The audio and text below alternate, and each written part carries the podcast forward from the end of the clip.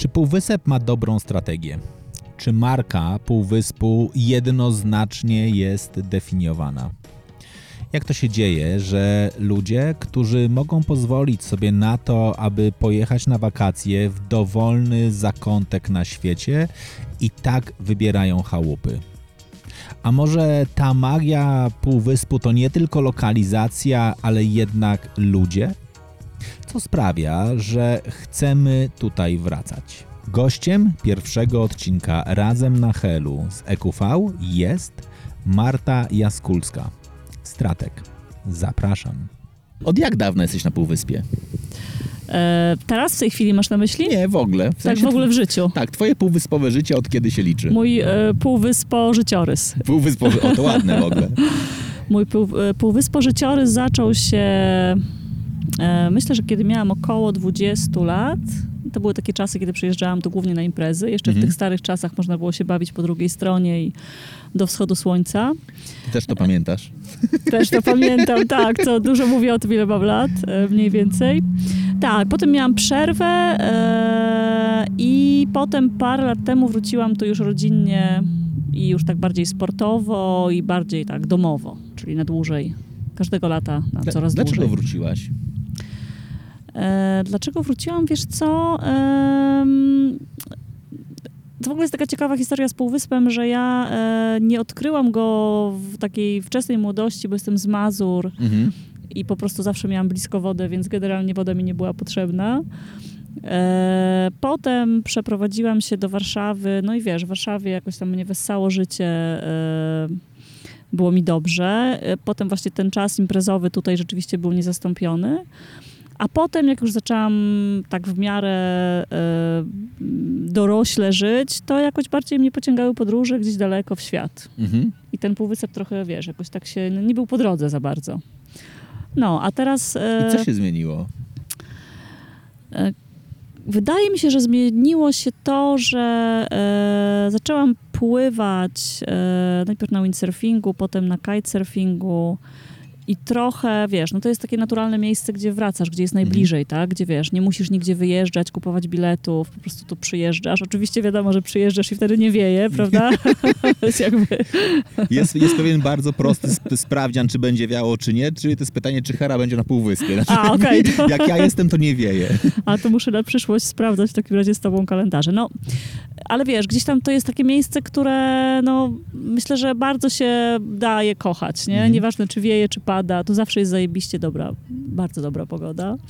E, tu po prostu zawsze jest dobrze. No i gdzieś tam zaczęłam czuć, że to jest takie moje miejsce na ziemi. Potem się pojawiły też e, dzieciaki jako tacy ambasadorzy tego miejsca. E, I dotarło do mnie, że ja właściwie nigdzie nie jestem bardziej szczęśliwa. Wiesz, Mhm. to jest to miejsce, gdzie po prostu e, wysiadam z niego, wchodzę do przyczepy i czuję, że jestem u siebie. No właśnie, ale ty jesteś jedną z tych osób, która mówi, czuję, że jestem u siebie, pomimo tego, że nie masz tu jeszcze własnej przyczepy. Tak, tak. I, I rzeczywiście. Tylko wiesz co, do nas też ta myśl w ogóle, żeby mieć własną przyczepę, przyszła tak naprawdę dopiero w ubiegłym roku, Mhm. więc myślę, że dosyć późno i pewnie to jest e, powód, dla którego jeszcze jej nie mamy. W przyszłym roku już zakładam, że będziemy mieć tutaj swój domek. No ale jesteśmy też tutaj na tyle dużo w ciągu Mhm. roku, bo my de facto jesteśmy tu no, pewnie tak z półtora miesiąca, nawet często dłużej. Jeszcze jakby zliczyć jakieś takie weekendy, przedłużone weekendy, Mhm. to pewnie wyjdzie z tego więcej nawet niż jakieś 6, może 7 czy 8 tygodni. E, No, ale wiesz, to w ogóle czasami mieszkamy, wiesz, w jednej przyczepie, czasami w drugiej, nie? Ale generalnie tu jest, e, no, to, to jest mój dom, no ja tak to czuję, wiesz? To po prostu to miejsce i wiesz, w ogóle tu jest takich dużo rzeczy, które sprawiają, że dom w takim sensie też, że ja tu się czuję najbliżej natury. Mhm. E, Że wiesz, że nie ma innego miejsca na ziemi, łącznie z Mazurami, które są jednak moim takim e, matecznikiem, e, gdzie ja się czuję bardziej osadzona właśnie, wiesz, w świecie, pod niebem, na ziemi, wiesz, pod gwiazdami, w piachu, w wodzie i tak dalej. Nie? Tu jestem po prostu z żywiołami, taka wystawiona, no tak jak hippies, no to jest, to jest takie miejsce, jedyne absolutnie na całym świecie. Przerywamy na chwilę wywiad, aby opowiedzieć Wam o partnerze naszego cyklu, czyli Mercedesie EQV. Czy wiesz, że jest to jedyny w pełni elektryczny osobowy van klasy premium, którym może komfortowo podróżować 6, 7 albo nawet 8 osób? Ty decydujesz, w jaki sposób skonfigurujesz wnętrze swojego samochodu. Możesz wybrać pomiędzy wygodną, trzyosobową kanapą lub niezależnymi fotelami. Wszystkie miejsca w drugim i trzecim rzędzie wyposażone są w mocowania ISOFIX dla bezpieczeństwa najmłodszych pasażerów. A dla kogo jest EQV? Zalety tego auta docenią przede wszystkim duże rodziny, które na co dzień poruszają się w ramach aglomeracji miejskiej i okazjonalnie jeżdżą w dłuższe trasy, na przykład na Hel, zabierając oprócz rodziny także sprzęt sportowy. Jeżeli masz dostęp do własnego poboru energii, przykład w domu lub na parkingu, to korzystanie z EQV jest niezwykle łatwe i tańsze od spalinowego odpowiednika. A do tego oszczędzasz czas, korzystając z busmasów, oszczędzasz pieniądze, nie płacąc za postój w miejskich strefach płatnego parkowania, jeździsz w ciszy i ekologicznie. Wracamy do rozmowy. Ty masz w sobie dusz, duszę hipisa? Tak, tak. Myślę, że moja dusza hipisa to jest coś takiego, co mnie prowadzi przez życie w każdym aspekcie właściwie. Od zawodowego, przez prywatny, przez taki właśnie, wiesz, jak spędzam wolny czas. A co to znaczy być hipisem lub mieć duszę hipisa? Znaczy, powiem ci, co to znaczy dla mnie, tak? No, Bo ja w ogóle nie ale- wiem, wiesz... Nie... A, absolutnie mam na myśli tylko i wyłącznie twoją, twoją definicję. No wiesz co, dla mnie to jest e, podążać za wolnością, wiesz, szukać takiego stanu ducha, który e, jest absolutnie swobodny i który jest zgodny z naturą i otaczającym cię światem. I ze sobą samym, bo dla mnie wszystko jest na koniec połączone, więc e, wiesz, w takiej, po prostu jesteś w takiej harmonii, tak?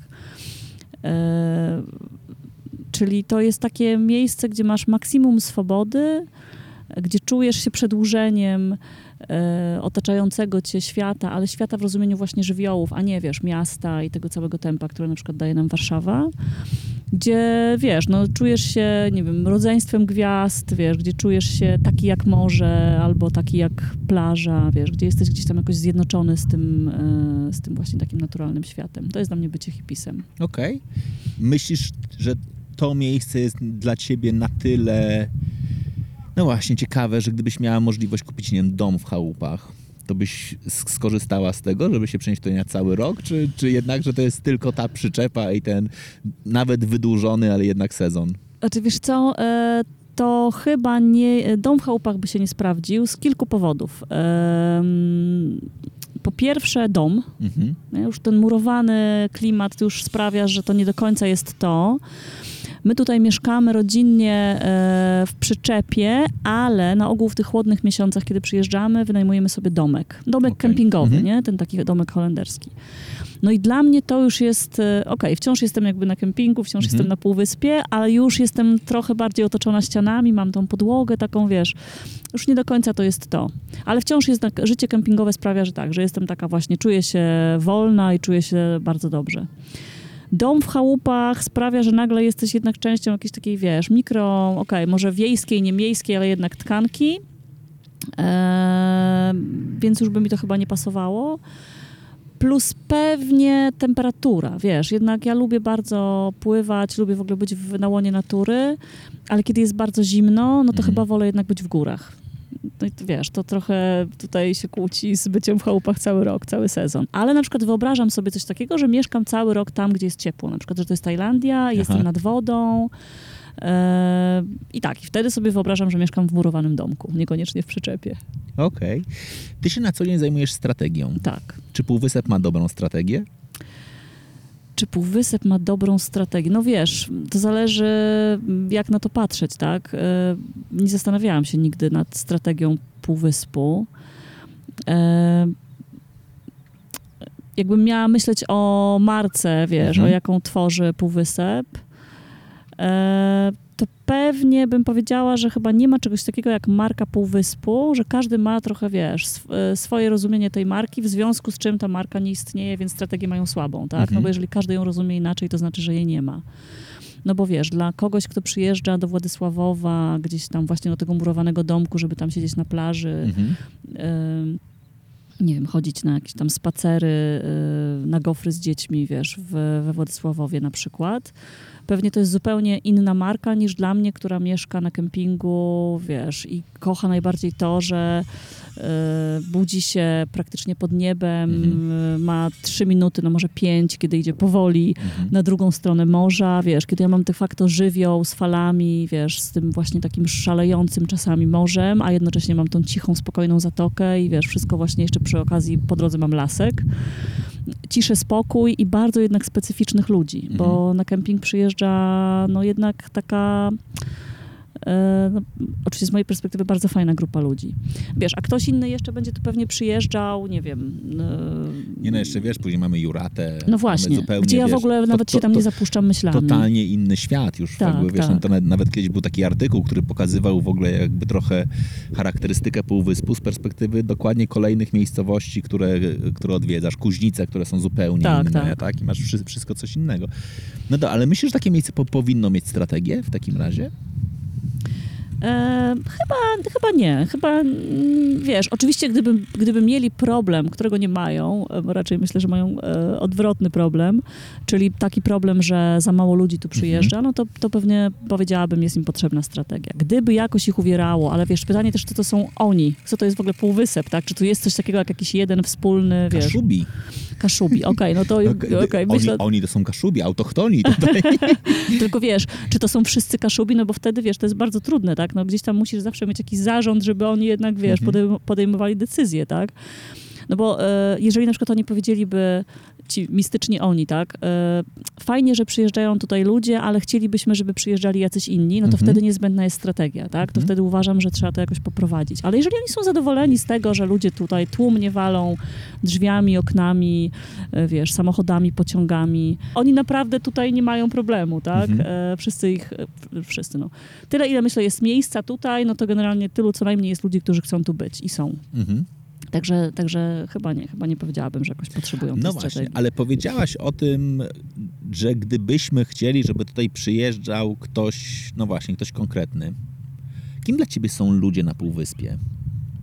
Dla mnie osobiście, która jednak wiadomo, żyje w swoim bąblu, Mhm. e, w bąblu swojego kempingu, e, to są ludzie podobni do mnie, czyli tacy, którzy chcą się czuć właśnie jak hipisi, tak? Czyli Mhm. kochają bycie na łonie natury, kochają swobodę, e, taką powolność, bo też tu ja myślę, no, dzieje się taka magia, że, że gdzieś wiesz, to ten spokój, e, natura, e, klimat takiej trochę, wiesz, niby ciszy, ale jednocześnie miejsca, gdzie możesz uprawiać swoje pasje, bo tu umówmy się, wiesz, no okej, wiadomo, nie wieje tu za często, tak? Mhm. Jeżeli pływasz, no ale zawsze możesz wtedy, nie wiem, jeździć rowerem, jeżeli to lubisz, możesz biegać, wiesz, możesz praktykować jogę na plaży, wiesz, generalnie zawsze znajdzie się tu jakiś pomysł na to, jak spędzać fajnie czas. No to są dla mnie tacy ludzie, którzy e, lubią e, odciąć się od tego zgiełku, właśnie od tego, wiesz, niepotrzebnego wymyślania sobie poważnych zajęć, Mhm. którzy może lubią się poczuć jak dzieci trochę, wiesz, lubią beztroskę. To jest dla mnie ten świat. Ale tak jak mówię, no to jest, wiesz, mój bąbelek e, kempingowy. No właśnie, ale to jest, to, ja myślę, że tutaj każdy ma swój bąbel i, i każdy ma tutaj swoją bańkę, w której sobie tam e, żyje i jest. Jak sobie patrzę na ludzi na Półwyspie, mam takie poczucie, że jeżeli miałbym go zdefiniować, to Półwysep nie wyklucza. Znaczy tutaj absolutnie masz tak, że znajdziesz chyba każdą jedną kategorię. Mało tego, większość ludzi ma kompletnie w nosie, kim jesteś. Tak, tak jakby w takim No sensie, tak. jakby, znaczy w takim dobrym słowie hipisowskim. No tak, tak, Umiesz, absolutnie. umiesz znaleźć inne miejsce takie w Polsce?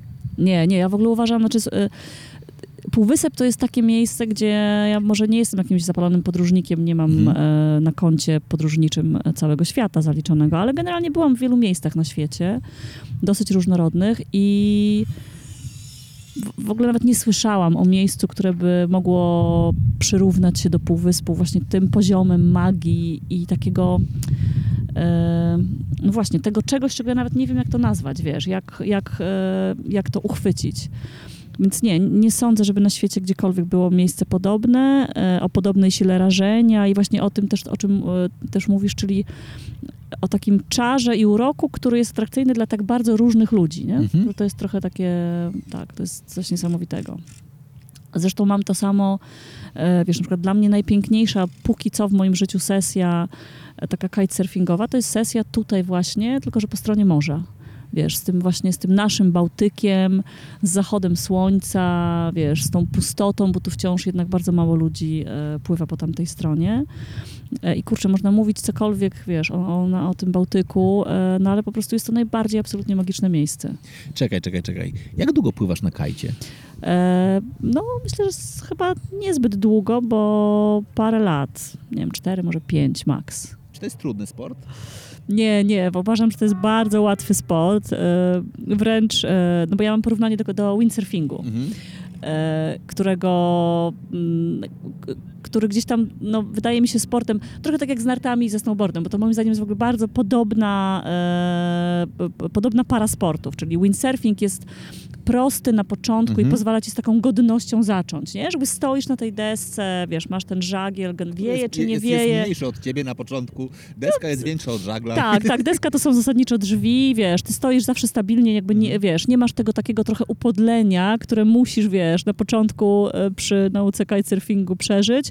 Zwłaszcza, że wiesz, ja się uczyłam w ogóle, bo to też jest ciekawe, że ja na kajcie uczyłam się i e, stawiałam pierwsze kroki poza półwyspem. To też jest w ogóle taki paradoks, który nie wiem, jak do tego doszło i nie pytaj mnie, jak do tego doszło, nie To- mam pojęcia. Ale gdzie się uczyłaś razie na A wiesz co, uczyłam się e, pływać w Wietnamie. No, Okej. Generalnie uczyłam się w najgorszym, myślę, znaczy nie, nie o to chodzi, że w konkretnie tym najgorszym miejscu na świecie, ale jakby wybrałam najgorszy e, pomysł, wiesz, czyli chciałam skrzyżować moją pasję podróżowania po egzotycznych miejscach z właśnie potrzebą nauki na kajcie. No i wybrałam sobie miejsce, gdzie po pierwsze, wbrew pozorom, oczywiście nie wiało tak dużo, jak mówiono, po drugie głęboka woda, fale, e, no w ogóle trudne bardzo warunki, więc e, dużo mi to czasu zajęło.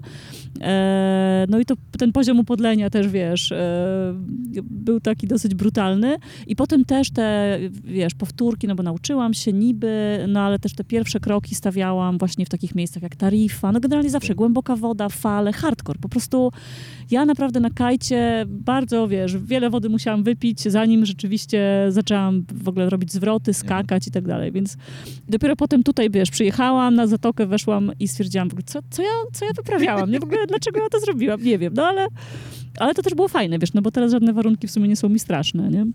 Natomiast właśnie na to pytanie odpowiem, e, czy to jest trudny sport. Myślę, że jest bardzo prosty, e, tylko właśnie trzeba przejść, wiesz, ten, ten opór tych kilku pierwszych godzin, kilku, kilkunastu, nie? No bo rzeczywiście on jest niebezpieczny, więc na początku ten latawiec trochę robi z tobą, co chce. Mhm.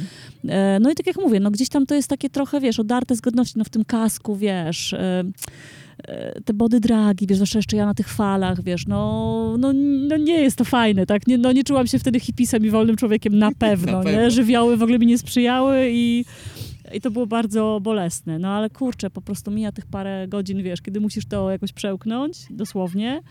E, no i są w ogóle, znaczy, ja nie mam słów kompletnie do tej pory na opisanie tego uczucia, jakie mi daje kitesurfing. E, W ogóle, wiesz, e, na windzie, czy w ogóle żadnym innym sporcie to jest po prostu nieporównywalne i nawet zanim skakałam, to te momenty, wiesz, tego pier- tych pierwszych metrów upłyniętych, to były momenty absolutnego szczęścia. Właśnie to jest ten, kite właśnie jest taką dla mnie kwintesencją wolności.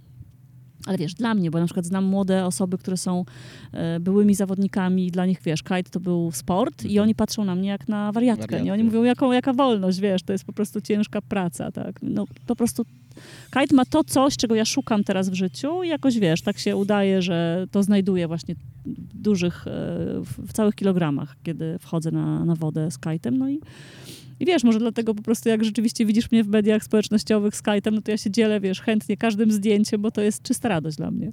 Okej, ale oprócz, oprócz kajta jest w twoich mediach jeszcze longboard. Tak, jest longboard. e, To też jest bardzo świeża sprawa. To są takie rzeczy, wiesz, odkryte właśnie w czasie, kiedy już byłam dojrzałą osobą. Mhm.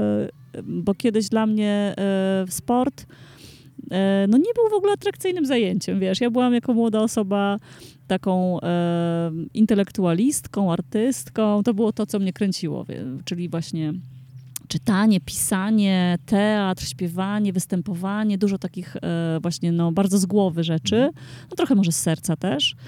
E, I uważałam, że sport generalnie jest dla osób, które po prostu no, nie są zbyt wydolne, tak? Mhm. E, Nie mają takich kompetencji właśnie intelektualno-artystycznych, no więc muszą jakoś zająć sobie czas, więc wypełniają go sobie sportem, tak? Nie interesowałam się kompletnie znajomymi, którzy uprawiali sport, bo uważałam zawsze, że nie będziemy mieli o czym rozmawiać, Mhm. więc rzeczywiście tak było, no nie mieliśmy o czym rozmawiać, no bo nie mieliśmy Nie kontaktu i jedyne takie, jedyne jakieś tam powiedzmy e, zajęcie dla ciała, jakie w ogóle dopuszczałam w tym takim czasie nastoletnim powiedzmy, to była yoga. Ale też e, nie dlatego, że to było fizyczne e, ćwiczenie, tylko ja e, jogę traktowałam, do tej pory zresztą tak traktuję, jako e, praktykę duchową. E, Jestem z takiego domu, gdzie yoga była obecna, także jako dziecko miałam ją zawsze gdzieś tam. Naprawdę? tak, tak. Ja miałam taką, takie szczęście, że brat mojej mamy, który z nami mieszkał, e, praktykował jogę. No, więc dla mnie yoga była czymś takim właśnie jako taka bardziej praktyka duchowa, e, więc absolutnie nie, nawet nie leżała obok sportu, Aha. ale to był jedyny, wiesz, jedyny ruch. E, tak, a potem wiesz, im byłam bardziej e, zanurzona w życie takie dojrzałe, tym bardziej czułam, że e, żeby jakoś do tego dziecka, e, wiesz, mieć dostęp, no to potrzebowałam się ruszać i robić takie rzeczy, które robią dzieci, nie? Które Mhm. jak się bawią, no to po prostu są cały czas gdzieś tam w jakimś locie. No i, no i faktycznie, wiesz, im jestem starsza, tym więcej robię tych rzeczy, tak? Także wiesz, longboard też był takim moim pomysłem na, na, na bycie na desce w mieście. Mhm. No bo to jest chyba takie Tak. oczywiste, nie? Że wiesz, nie mogę być na kajcie, nie mogę być na snowboardzie, a kurde, muszę być w mieście, no to deska. No i to jest bardzo fajne. W czasach, kiedy jeszcze się spotykaliśmy z klientami na żywo. Jakkolwiek to, Och, to kiedy to brzmi. było. Mam, mam nadzieję, że już niedługo do nich wracamy. Zdarzało się tobie też e, zawodowo jeździć na, na tym, na longboardzie? W sensie przyjechać na spotkanie na Tak, przykład? tak. Robiło to zawsze bardzo dobre wrażenie na klientach. Znaczy wiesz, okej, by, e, były takie spotkania, na które longboard zostawiałam w recepcji i Okej. była to moja tajemnica, że tak przyjechałam. Rzeczywiście, tak, były takie rzeczywiście, były takie firmy. Wiesz, być może to nawet e, była jakaś taka moja niepotrzebna profilaktyka, wiesz, może za... E, Zbyt surowo oceniałam te spotkania, no ale gdzieś tam, wiesz, jakieś spotkania właśnie w poważnych korporacjach z zarządem, gdzie ja, wiesz, byłam w takiej niezwykle serioznej roli konsultantki, to ten longboard rzeczywiście lądował gdzieś tam daleko w recepcji i, e, i tyle. Natomiast jak przyjeżdżałam na takie jakieś, wiesz, bardziej luźniejsze bardziej luźne e, spotkania, to zawsze to była taka w ogóle też, wiesz, fajna okazja do tego, żeby gdzieś tam przełamać lody, jak na przykład się, wiesz, z klientem widziałam po raz pierwszy. E, Dobrze to było przyjmowane. Okej, to jest w ogóle ważne. Masz dużo klientów z Półwyspu?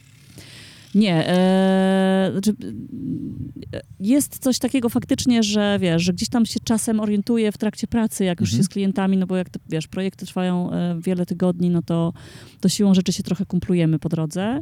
To rzeczywiście bywa tak, że rozmawiamy o tym, że kurczę, wiesz, e, właśnie zwłaszcza latem. Ja e, często, jak jest teraz taki czas, no to uprzedzam, że, że jestem na Półwyspie, Mhm. wiesz, tutaj e, jestem jakby gotowa pracować, e, nat- natomiast fizycznie mnie często nie ma i jakoś tam ten wątek czasami się pojawia, ale generalnie ok- okazuje się czasami, że moi klienci stąd są, ale nigdy nie miałam takiej sytuacji jeszcze, żebym e, kogoś poznanego tutaj Mhm.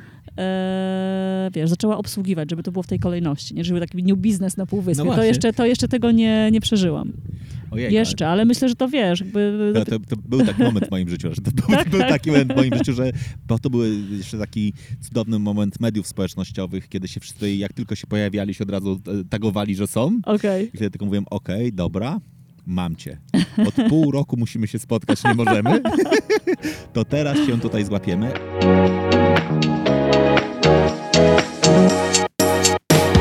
Przypominam, partnerem naszego cyklu jest Mercedes EQV. Rodzinny, komfortowy, w pełni elektryczny van, którego gigantyczna bateria pozwala na osiągnięcie zasięgu 356 km na jednym naładowaniu. EQV można podładować korzystając z szybkich ładowarek. Ile to zajmie? Od 10 do 80% może to zająć tylko 45 minut. Wiem, bo sprawdzałem jadąc na Hel. Okazało się, że to idealny czas, aby akurat zrobić przerwę w podróży, odpocząć, zjeść posiłek lub napić się kawy. EQV dysponuje mocą 204 koni mechanicznych. To bardzo dużo, nawet jak na auto tej wielkości. Wrażenia z przyspieszenia są niesamowite, ponieważ dzięki silnikowi elektrycznemu samochód przyspiesza równomiernie, momentalnie po naciśnięciu pedału przyspieszenia. Autem jeździ się przy tym niezwykle łatwo. Wsiadasz i czujesz, jakbyś go znał od dawna.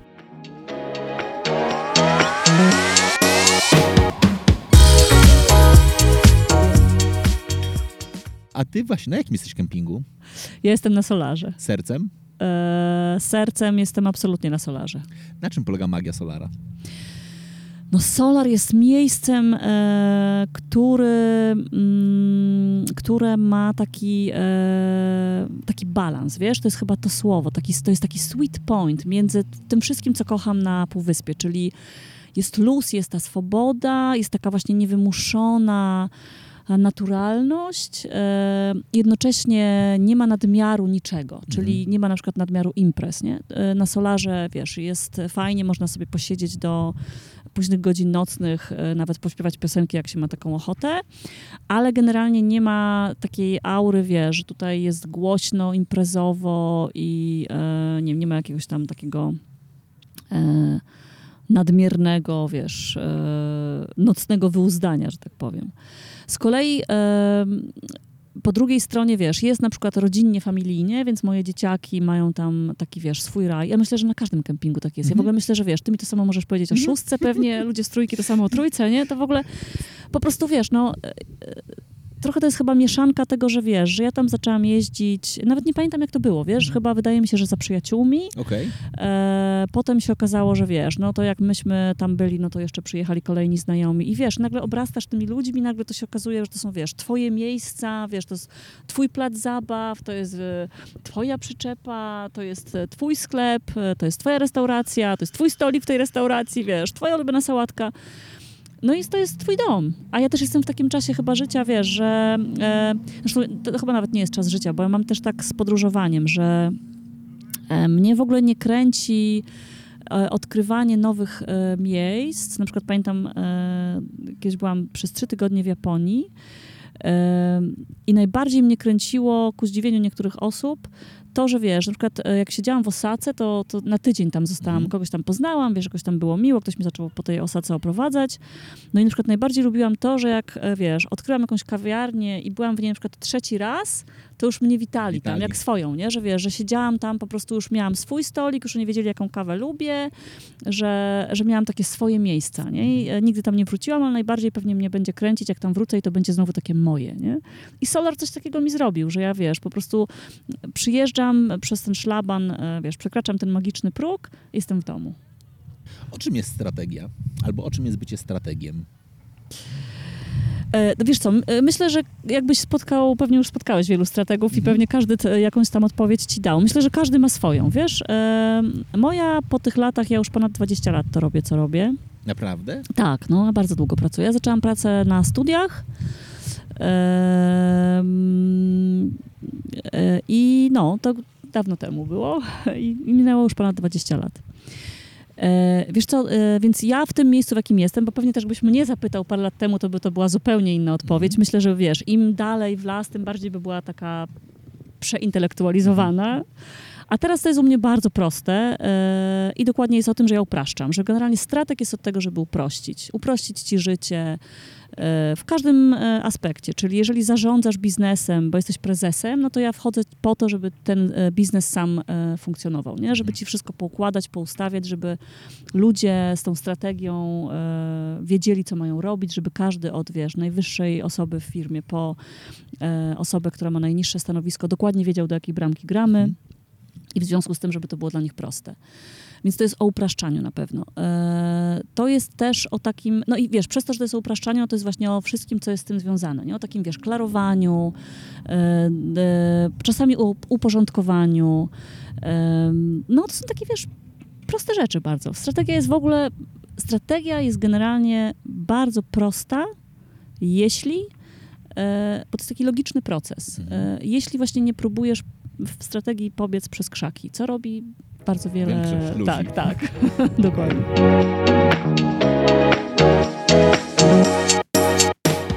Bardzo dziękuję, że spędziliście te kilkadziesiąt minut z nami. Wierzę, że rozmowa wpisała się w Wasze oczekiwania i po prostu Wam się podobała. Ja jestem nieprawdopodobnie zainspirowany, a Was zachęcam do tego, żebyście ocenili tą audycję klikając gwiazdki. No a poza tym pamiętajcie o tym, aby subskrybować ten kanał, żeby żadna kolejna rozmowa nie umknęła Waszej uwadze.